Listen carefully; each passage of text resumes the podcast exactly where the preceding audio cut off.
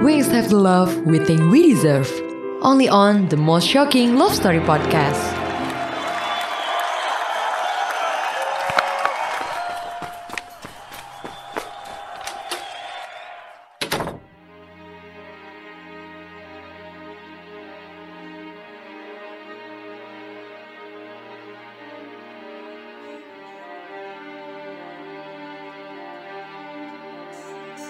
Nama gue Dindra. Bulan Desember yang lalu, gue baru aja ngerayain ulang tahun gue yang kedua tiga. Dan malam ini, gue baru nyelesain gig gue. Yang entah untuk kesekian kalinya di bulan ini. Banyak banget, sampai gue udah gak bisa ngitung lagi. Gue baru dua tahun meniti karir sebagai penyanyi solo sejak gue keluar dari sebuah band indie beraliran post-rock. Namanya... Ah, nyebut namanya aja gue udah males. Gue dulu vokalisnya band itu. Tapi karena perbedaan prinsip, akhirnya gue mutusin buat cabut. Sejujurnya, gue patah hati banget waktu gue mutusin kalau gue harus pisah sama band gue yang dulu itu. Meskipun ternyata setelah itu, karir gue di dunia musik malahan tambah naik sejak gue mutusin untuk solo karir. Hidup gue tuh bener-bener gue dedikasiin hanya untuk musik. Orang tua gue dua-duanya musisi dan produser musik. Tapi bukan karena itu juga gue gak dapetin banyak kemudahan dalam perjalanan karir gue. Gue bikin lagu sendiri, nulis lirik lagu sendiri, ngeproduserin lagu gue sendiri. Dan gue juga bisa main gitar. Gue nyaris gak punya waktu untuk kehidupan pribadi gue sendiri. Pacar aja gue gak punya. Gue ngerasa cita-cita gue sebagai musisi yang sukses udah nyaris tercapai. Gue udah ngedapetin semua yang gue mau di usia yang boleh dibilang masih muda. Tapi kenapa ya? Kalau setelah gue nyelesain kerjaan gue, kayak malam ini. Nih, di saat gue cuma sendirian di backstage. Kenapa gue masih aja ngerasa kesepian ya?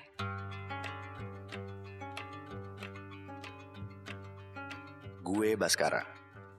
Umur gue 25 tahun. Gue kerja di perusahaan IT di Jakarta. Gue sebenarnya nggak suka-suka amat sih sama pekerjaan gue.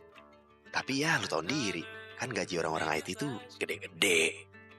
Makanya gue betah-betahin deh kerja di kantor ini. Udah setahun belakangan gue punya hobi baru nih. Hobi baru gue ini stalkingin akun sosial medianya Dindra. Iya, Dindra, musisi indie yang baru mulai ngetop sejak 2 tahun lalu. Dia lulusan Berklee College of Music Boston tuh, dapat beasiswa pula. Lu tahu nggak siapa aja yang pernah sekolah di Berkeley? Salah satunya John Mayer. Rido Hafiznya Slang juga katanya di situ juga tuh. Dia juga pernah dapat penghargaan tuh untuk kategori Best New Eh apa kalau nggak salah. Ya pokoknya di salah satu situs musik paling bergengsi lah di Indonesia. Malam ini gue ngeliatin Instagramnya Dindra lagi. Ya seperti juga tadi pagi pas gue bangun tidur. Pas gue di kantor, pas gue di jalan ke kantor tuh di MRT. Gue pulang kantor, di mana pun di ojek online kayak. Ya pokoknya gue selalu mantengin deh tuh kecanduan gue main Instagramnya Dindra. Gue tuh harus selalu memantau sosmednya dia sih. Meskipun kadang lagi nggak ada update story barunya atau foto barunya dia. Ya tapi gue liatin aja. Followersnya dia aja udah 1,3 juta tuh di Instagramnya. Udah verified dia centang biru. Valid. Nah ini gue baru aja nonton dia live di IG story-nya nih. Dia baru aja selesai manggung. Pasti asistennya lah ya. Atau manajernya yang nge-shot nge-shot live-nya dia. Atau pacarnya kali ya? Ya gak tau juga sih. Tapi dia emang keren banget sih. Cantik, menarik. Tapi berkarakternya itu loh yang beda. Menurut gue ya. Bakat sih udah gak saya tanya lagi sih. Apalagi suaranya. Setiap dia ngomong, aduh. Malam ini nih, gue apes aja gak bisa datang ke gignya dia. Nih, gara-gara kantor harus lembur. Ya gimana ya, kadang-kadang IT ada aja kerjaan. Biasanya gue selalu datang. Bahkan kalau dia lagi promo interview di radio aja, gue bela-belain datang. Gue pernah tuh samperin radio jauh loh dari kantor gue. Ya cuman modar mandir aja depan. Cuman sekedar pengen lihat dia di resepsionis aja gue udah seneng. Gue datang sebenarnya cuman pengen lihat mukanya dia aja secara langsung. Dan malam ini nih, seperti juga malam-malam sebelumnya, gue akan ngabisin waktu gue sekitar ya 15 menit lah di kamar mandi. Atau di kamar tidur sambil bawa handphone ngeliatin Instagramnya Dindra. Ya dia emang bacolan gue sih kalau malam gak bisa tidur. Sebelum tidur gue pasti ngayal tentang gue sama dia dalam berbagai gaya. Meskipun gue harus bohongin dengan tangan gue. Ah, Dindra, Dindra.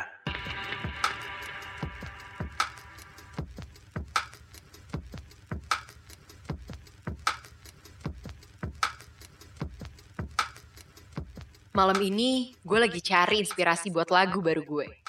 Selama ini referensi lagu-lagu gue selalu seputar genre indie folk atau indie pop. Tapi kali ini gue pengen nyari referensi genre lain.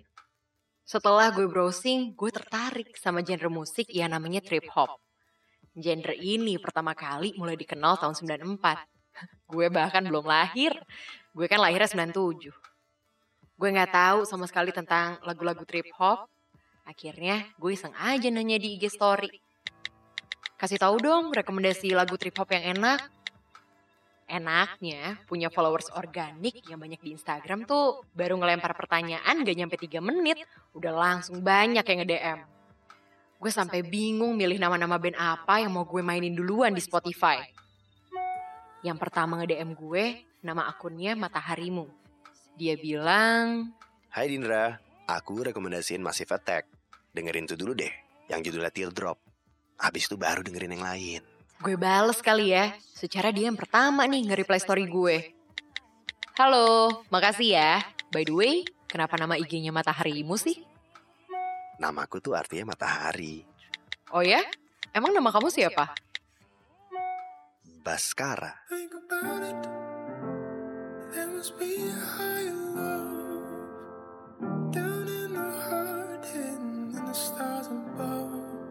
Gila, gila, gila, gila. Gue mimpi apaan nih? DM gue dibales sama Dindra. Oh my God. Setelah setahun gue cuma bisa bisu doang ngeliatin Instagram dia. Dan cuma gara-gara gue ngasih rekomendasi doang. Band trip hop, Massive Attack. Ya ampun. Kebayang gak sih? Lu ngefans sama dia seorang penyanyi nih. Lu cuma bisa dengerin lagunya dia doang. Nonton dia manggung. Nonton promo di Youtube. Terus lu cuma bisa stalking Instagramnya doang. Nungguin updatean storynya dia setiap menit. Dan sekarang orang itu yang lu suka DM Instagram lo. Private nih men. Ini total dua arah langsung. Gue gak nyangka banget sih. Ternyata gue nyambung banget lo ngobrol sama dia. Sejak malam itu, gue sama Dindra jadi sering ngobrol di DM Instagram. Dan seperti yang udah gue bayangin selama ini, karakter Dindra tuh emang, wah, emang menarik banget. Dia orang berkarakter sih. Pokoknya gue jadi makin suka sih sama dia. Kacau. Tapi gue berusaha memposisikan diri gue sebagai teman baiknya dia aja. Ya kayak teman biasa gitu bukan sebagai fans. Jadi kalau gue lagi chatting sama dia tuh gue nggak belaga seolah-olah gimana ya? Gue belaga dia teman lama gue aja sih. Padahal sepanjang gue ngeliat tulisannya tuh misalnya gue lihat Dindra is typing. Buset deh itu gue udah mules banget. Aduh dia nulis apanya nulis apanya anjir. Tapi dia nggak perlu tahu sih bagian itu udah lah ya. Dan besok malamnya nih setelah sebulan intens DM DMan sama Dindra gue akan ketemu dia di backstage gignya dia nih.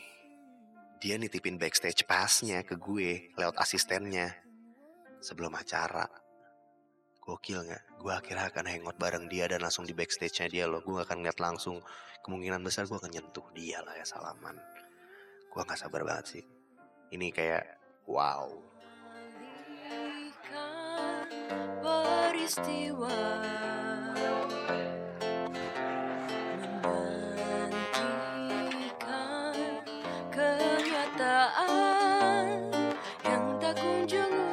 sampai ujung waktu tiba hingga ku jatuh tenggelam dalam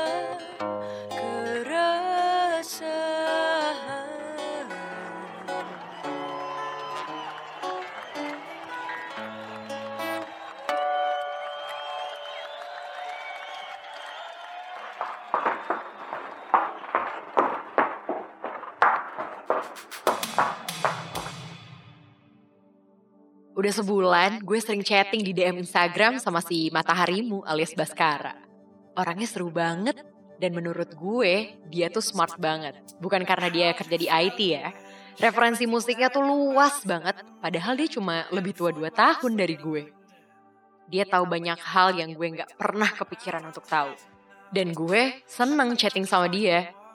Dia bisa bikin gue ngerasa gue orang biasa aja. Bukan musisi, bukan seorang yang harus dipuja-puja. Dia bikin gue ngerasa kalau dia nganggep gue teman baik dia. Dan kita sama-sama penikmat musik. Malam ini untuk pertama kalinya gue ketemu sama dia. Setelah gue selesai manggung, gue temuin dia di backstage. Halo, Baskara ya?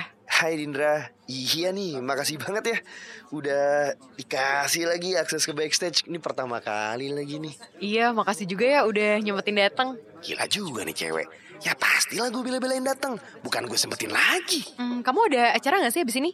Oh, enggak sih Kamu ada? Aku mau makan sama kru aku. Ikut yuk.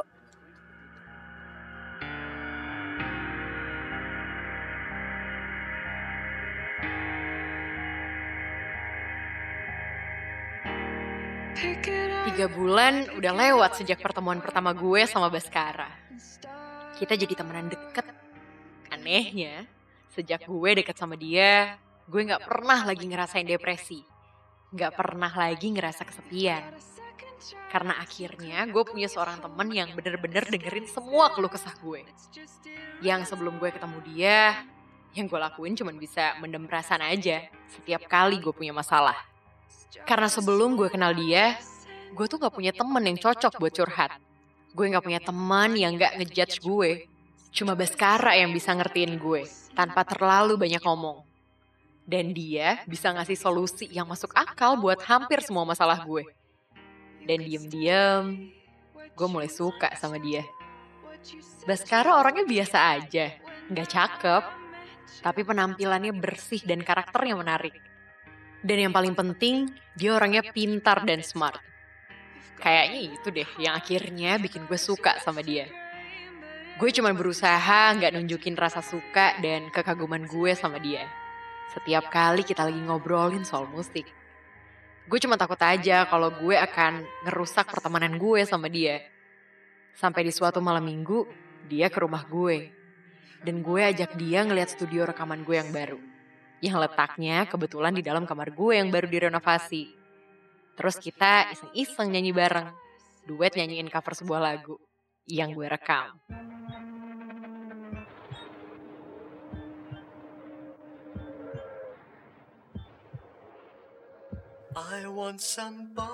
Studio kamu keren juga nih Hmm, tapi harus banget nih studio di dalam kamar Aku tuh emang udah pengen banget punya studio rekaman di dalam kamar gini. Ya biar gak usah keluar-keluar lagi kalau bikin lagu. Idenya menarik sih, disatuin aja. Kenapa dia ngajak gue ke kamarnya dia ya? Apa karena kebetulan aja dia mau ngasih lihat studio rekamannya yang baru, yang kebetulan letaknya di kamarnya sih? Mana lagunya kayak gini lagi? Aduh mampus nih. Gue kalau ke bawah suasana, gue sange gimana ntar nih anjir. Kok si Bas diem aja sih? Dia cuma duduk di ujung sofa, sementara gue duduk di sebelah sini. Aduh, kenapa gue jadi deg-degan gini ya?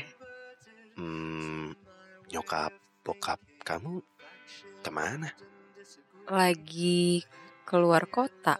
Oh, kamu nggak takut nih di rumah segede gini sendirian? Hmm, enggak. Kan ada kamu.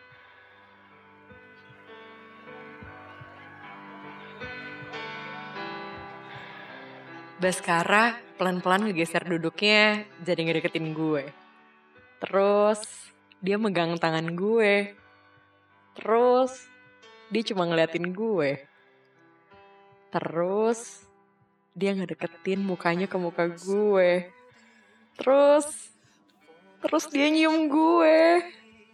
Gue udah gak mikir lagi deh nih apa yang gue pikirin. Sumpah Yang gue tahu gue cipokan nanya sama Dindra. Gue yang mulai sih kayaknya. Cuman dia nyambut juga sih.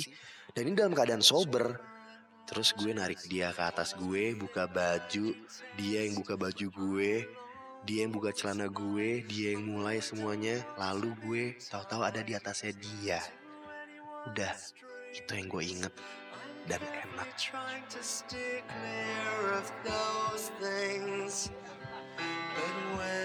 asleep, I.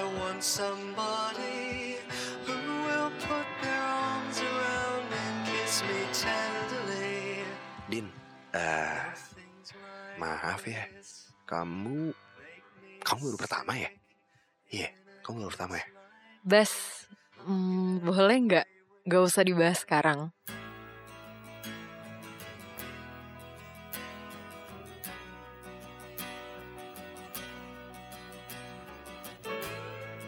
Aduh, hancur banget gue. Udah gue keluar cepet banget lagi ya iyalah. Kebayang kan lu selama ini lu cuma bisa bayangin doang. Sekarang lu beneran tidurin di.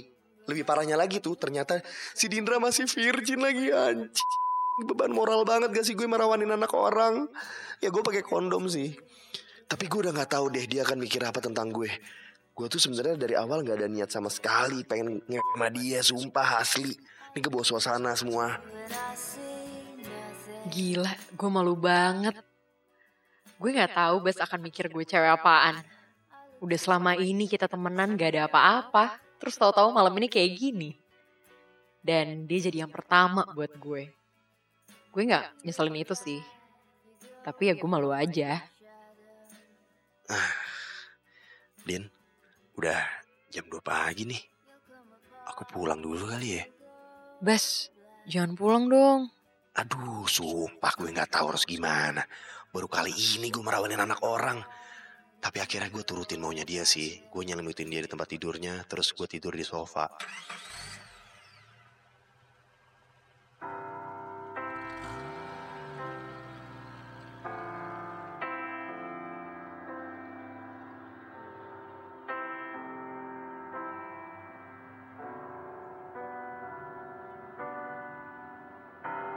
Dindra, gue minta maaf. Gue emang brengsek. Gue terlalu pengecut untuk menghadapi kenyataan. Gue sama sekali gak ada niat nyakitin lo. Gue terlalu mengagumi dan menghargai lo. Tapi gue gak siap kalau gue harus ngejalanin hubungan yang lebih dari temen. Apalagi sama seorang public figure kayak lo. Yang gue sangat kagumin banget. Gue ngefans sama lo. Dan gue gak siap nerima kenyataan kalau gue ternyata cowok pertama yang pernah tidur sama lo. Ya biarlah sekarang gue balik lagi jadi loser yang cuma berani ngamatin lo doang dari jauh. Liatin IG story lo lagi, updatean lo lagi. Karena lo berhak dapetin cowok yang jauh lebih baik daripada gue. Lebih baik lo kecewa sekarang dibanding nanti di saat gue akan ngecewain lo lebih banyak lagi.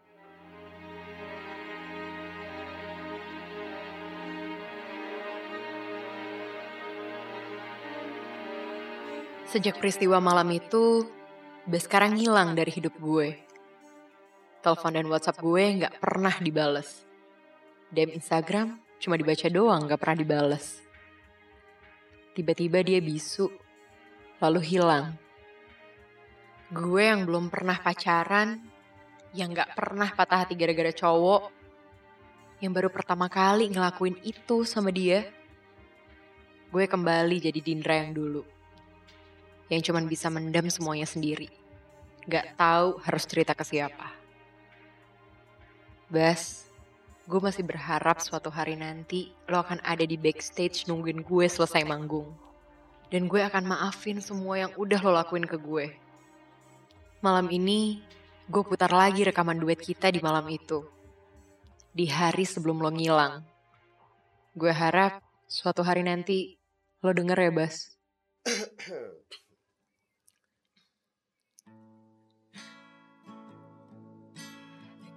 plastic watering can for a fake Chinese rubber plant in the fake plastic curve.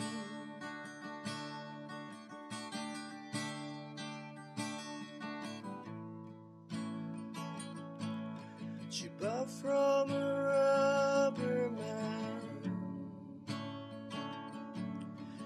town full of rubber plants to get rid of us.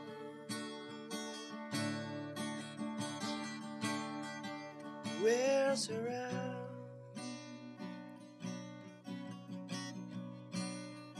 Where's her?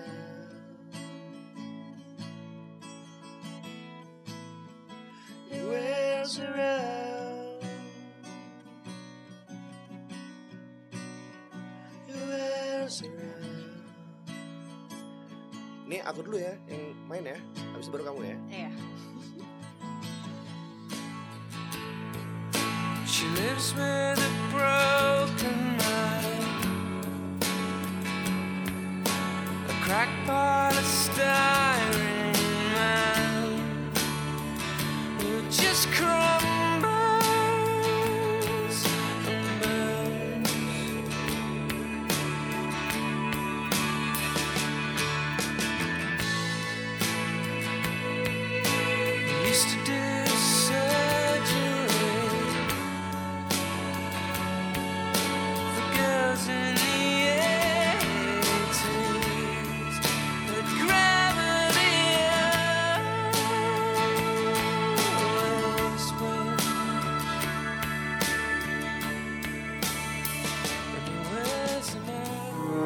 Thank you for listening to the most shocking love story podcast. See you on the next episode.